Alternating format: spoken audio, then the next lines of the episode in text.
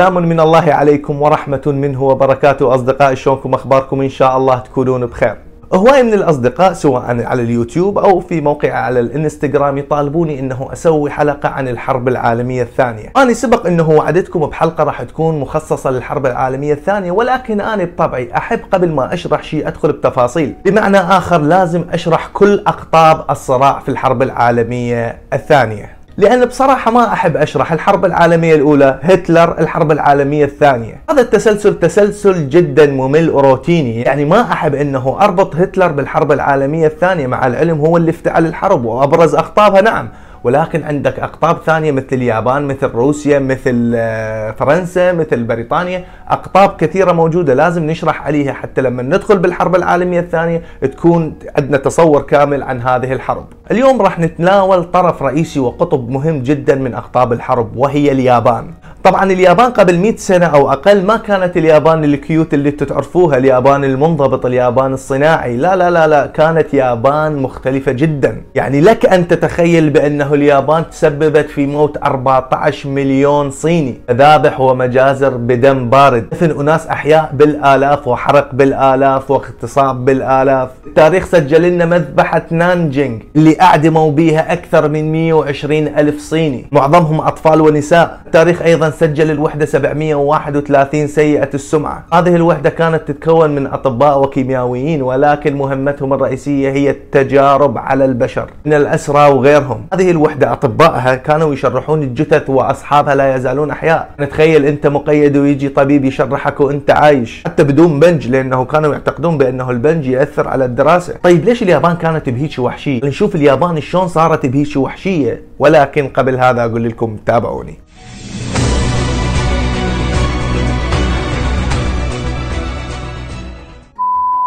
أول شيء خلينا نتكلم عن اليابان جغرافيا. أرض اليابان عبارة عن مجموعة من الجزر المتقاربة التي تسمى بالأرخبيل. والأرخبيل مصطلح يشير إلى عدد أو مجموعة من الجزر الكثيرة المتقاربة. أهم جزيرة من جزر اليابان هي جزيرة هوكايدو. اليابان ما عندها حدود برية مع أي دولة أخرى يفصلها عن قارة آسيا بحر اليابان.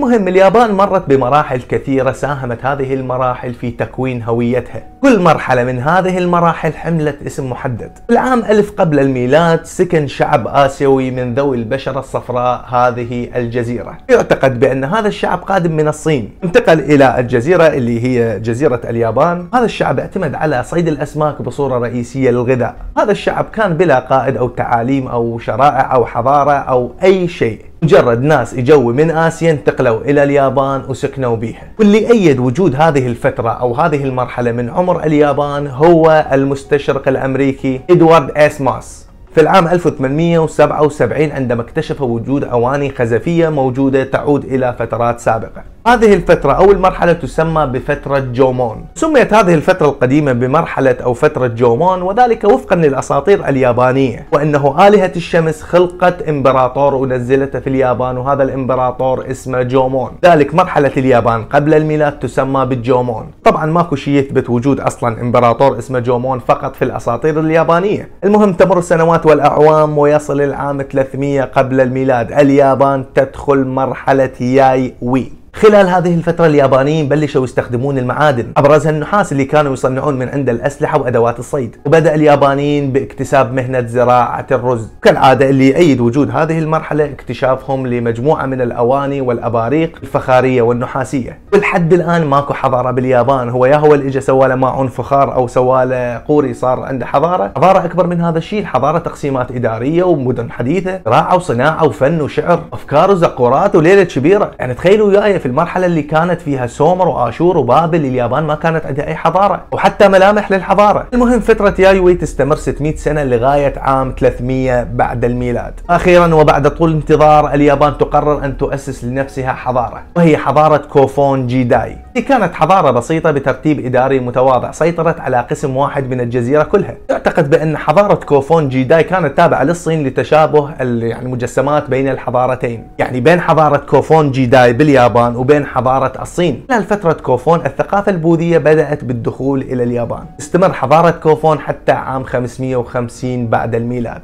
عام 550 بعد الميلاد تسيطر قبيلة أسوكا على الحكم. فترة استطاعت هذه القبيلة التوسع نوعا ما في داخل الجزيرة. ولكن مو سيطر عليها نعم توسعت ولكن مو سيطرة على الجزيرة. خلال فترة أسوكا اليابان كانت متأثرة جدا بثقافة الصين. مهم فترة أسوكا تستمر حتى عام 710 ميلادية. اللي صار في عام 710 ميلادية في هذا العام انتقلت العاصمة إلى مدينة نارا. ذلك المرحلة هذه سميت بمرحلة نارا. خلال هذه الفترة في سنة 710 ميلادية إحنا بالشرق الأوسط كانت تحكمنا الدولة الأموية. فترة نارا فترة جدا مهمة من تاريخ اليابان. اليابان بدأت تكتسب أفكار جديدة منبثقة من مجتمعها. قبل كانت متأثرة بالصين لكن الآن لا بدأت عندهم ثقافة جديدة. بدأت لمسة اليابانيين في البناء تظهر في العمران. بدأوا يصنعون المدارس والمعابد البوذية مثل معبد تودايجي إذا تشوفوه بالصورة جميل جدا. بعد هيجي العام 794 ميلادية. تسيطر سلالة فوجيوارا على اليابان. تبدأ اليابان بمرحلة هيان. هذه الفترة تسيطر اليابان على كامل الأرض اليابانية ما عدا جزيرة هوكايدو اللي كان يسكنها شعب يسمون شعب الإينو. عنهم هم يابانيين ولكن شوية أطول. سلالة فوجيوارا يحصل بها انقسام شديد وتندلع حرب أهلية في اليابان. كل سلالة من هذه السلالات المتحاربة تؤسس مجموعة ونخبة من الجنود يسمون مستقبلا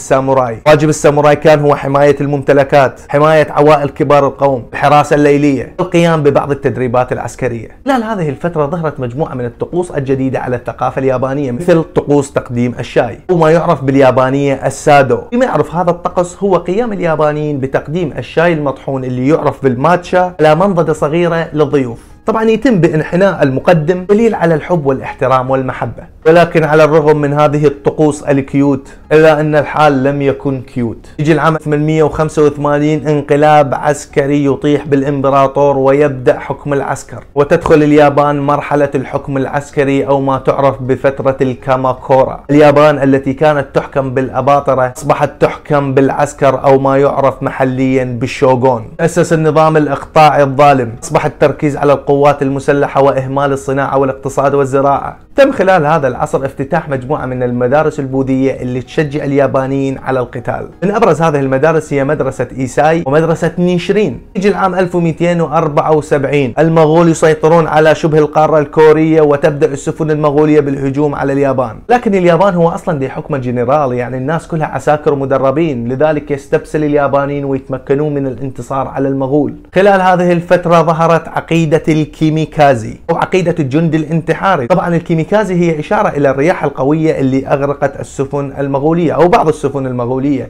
اليابانيين كانوا يعتقدون بأنه هذه الرياح هي رياح قادمة من السماء من إله الشمس. على فكرة الشمس جدا مقدسة بالنسبة لليابانيين يعني حتى العلم الياباني الدائرة الحمراء اللي بالنص هي هاي إشارة للشمس. مهم بعد انتصار اليابانيين وصمودهم في مقاومتهم للمغول يجي العام 1336 انقلاب عسكري آخر يطيح بالجنرال وينصب جنرالا آخر. هذه الفترة من الانقلاب الثاني تسمى بالموروماتشي. الفترة موروماتشي العسكرية بدأت ثقافة تسود في اليابان. هي ثقافة ثقافة البوشيدو. لخصها إذا أنت تعرضت الفشل لازم تقتل نفسك. إذا أنت خسرت لازم تقتل نفسك. خلال هذه الفترة أيضا الساموراي أصبحوا من طبقة المحاربين النبلاء. مهم يجي العام 1467 وبسبب حكم العسكر يتدهور الاقتصاد وتدخل اليابان فترة المجاعة المظلمة. وبسبب تدهور الأوضاع كل سلالة موجودة على أرض اليابان بدأت بالقتال فيما بينها. كل سلالة كانت تعلن الحرب على السلالة الثانية. من سلالات يابانية رئيسية موجودة على الجزيرة. بفروعها تقرر دخول الحرب. وتشتد الحرب الطاحنة في فترة عرفت بفترة سن جوكو أو فترة المقاطعات المتحاربة. السلالة من هذه السلالات كانت تريد تنتصر حتى تسيطر على حكم اليابان. هذه الحرب كانت طويلة جدا استمرت ل 130 عام. جاي تتخيل حرب أهلية تستمر ل 130 عام؟ يعني لحد عام 1631 الحرب مشتعلة من خلال فترة هذه ال 130 عام من الحرب اليابانيين صاروا وحشين. دمويين ومتعطشين للدماء. ونقدر نقول بأنه هذه الحرب كانت هي الحجر الأساس في بناء ثقافة اليابان الوحشية. هذه الحرب بين المقاطعات. شلون انتهت؟ أنا أقول لكم خلال فترة الحرب الأهلية وتحديدا عام 1543 السفن البرتغالية الاستعمارية بدأت تصل إلى اليابان. السفن البرتغالية شافت وضع اليابان في حالة حرب. إيش قامت تسوي البرتغال؟ قامت تبيع السلاح إلى الأطراف المتحاربة. طبعا السلاح اللي باعته هو كانت بندقية بارودية يعني سلاح متطور في وقتها. ذلك اليابانيين انتبهوا إلى هذه المسألة إنه طرف خارجي يبيع السلاح إلى الأطراف المتحاربة. لذلك اليابان بدأت بوادر الصلح. ضف إلى هذا بأن الدعوة المسيحية بدأت تنتشر في اليابان وهذا الشيء يهدد عقيدة اليابانيين. لذلك أحد رؤساء القبائل اللي كان اسمه أودا بدأ بوادر الصلح لتوحيد البلاد. عد ما شاف بأن هنالك بوادر استعمارية موجودة عند الأوروبيين خاصة بعد وصول السفن الفرنسية والسفن الإنجليزية. فعلا تمكن اليابان من توحيد نفسها مرة أخرى. ولكن للأسف تحت حكم عسكري اللي هو شوغون. اليابان بعد ما توحدت قررت مقاطعة العالم الخارجي. وأن تنعزل عن العالم الخارجي. أنا ما أخلي أي سفينة أجنبية تحط على هذه الأرض. فعلا اليابان تدخل مرحلة العزل. عام 1631 ولغاية عام 1868 وهذه الفترة عرفت بفترة إيدو. اليابان خلال هذه الفترة انعزل لمدة تزيد عن 250 عام. تعرفون شنو معناته بأنه بلد ينعزل عن العالم الخارجي ل 250 عام؟ الشعب جاي تصنع من عنده وحوش مستقبلية. هم بلش يطالعين وحوش من حرب أهلية دامت ل 130 عام. النوب بعدها تجي وتعزلهم عن العالم الخارجي. اليابانيين خلال هذه الفترة بدأوا يكتسبون أفكار قومية. هو إنه إحنا شعب إلهي ينحدر من إله الشمس. والامبراطور هذا هو ابن الإله. قدسيته من قدسية الإله. خلال هذه الفترة تبدأ فرق النينجا بالظهور.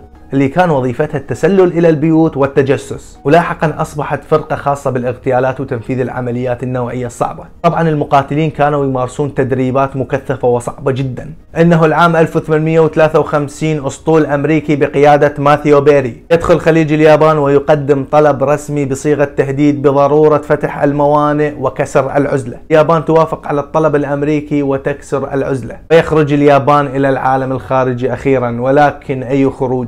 شعب عنصري متوحش قليل الرحمة لا يعرف طعم الفشل قوي عقائديا. يجي العام 1868 ثورة شعبية تطيح بحكم الشوغون العسكري. وتعيد النظام الإمبراطوري. بأول إمبراطور ياباني في العصر الحديث اللي كان اسمه تينو. تينو يبدأ بمجموعة من الإصلاحات اللي استرضيت الشعب الياباني. اهتم بالزراعة وثم الصناعة والتجارة. كان يمثل بداية انطلاق اليابان الحديث. طبعا فترة الإمبراطور تينو هي اللي مثلها توم كروز في فيلم الساموراي الأخير اللي كان عام 2003 أو 4 يعني ما أتذكر. مع ازدياد قوة اليابان عام بعد عام اليابان بدأ يفكر بالتوسع. المهم اليابانيين يسمعون بأنه الصين هجمت على كوريا. يقرر اليابانيين الهجوم على الصين فيما عرفت بالحرب اليابانية الصينية. عام 1894 وتنتصر اليابان. اليابانيين ثقتهم بنفسهم ازدادت. جي العام 1904 تندلع الحرب اليابانية الروسية. سيطر على منطقة منشوريا ومنشوريا منطقة موجودة في جنوب شرق آسيا. الدولتين اللي هي اليابان وروسيا كان عندهم طموح انه يسيطرون على هذه المنطقة. لذلك تندلع الحرب وتنتصر اليابان. انتصار اليابان ظهرت اليابان كقوة عظمى في العالم.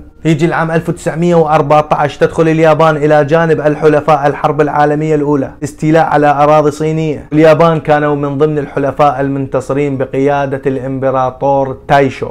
اللي كان ثاني إمبراطور على اليابان. أول واحد كان اسمه تينو الثاني تايشو. جي العام 1932 اليابان تقرر تأسيس الوحدة 731 فرقة كانت متخصصة لتطوير الأبحاث البيولوجية والكيميائية وكل شيء تقريبا. بعدها في العام 1937 نزاع مسلح بين اليابان والصين يشعل فتيل حرب هي الحرب اليابانية الصينية الثانية. في منشوريا وتنتصر اليابان وتكتسح الصين. طبعا خلال هذه الحرب وبعد انتصار اليابان اليابان ترتكب مجازر بشعة جدا. المهم يجي العام 1944 اليابان بلد بقيادة الإمبراطور الثالث هيروهيتو. دولة قوية زراعيا وصناعيا وعسكريا وأهم من ذني دولة قوية عقائديا. بلد متوحش ودموي. منصب الإمبراطور منصب إلهي. كل ياباني كان مستعد بأنه يموت لأجل اليابان. وهذه العقيدة تدخل اليابان الحرب العالمية الثانية. ونوصل وياكم إلى نهاية الحلقة. أتمنى أنه أكون توفقت في الشرح. لا تنسون زيارة موقعي على الإنستغرام. راح اخلي لكم الرابط الرابط في الوصف. لا تنسون ال like وال share والاشتراك. وتفعيل زر الجرس حتى يصلكم كل ما هو جديد. شكرا جزيلا لكم. في أمان الله.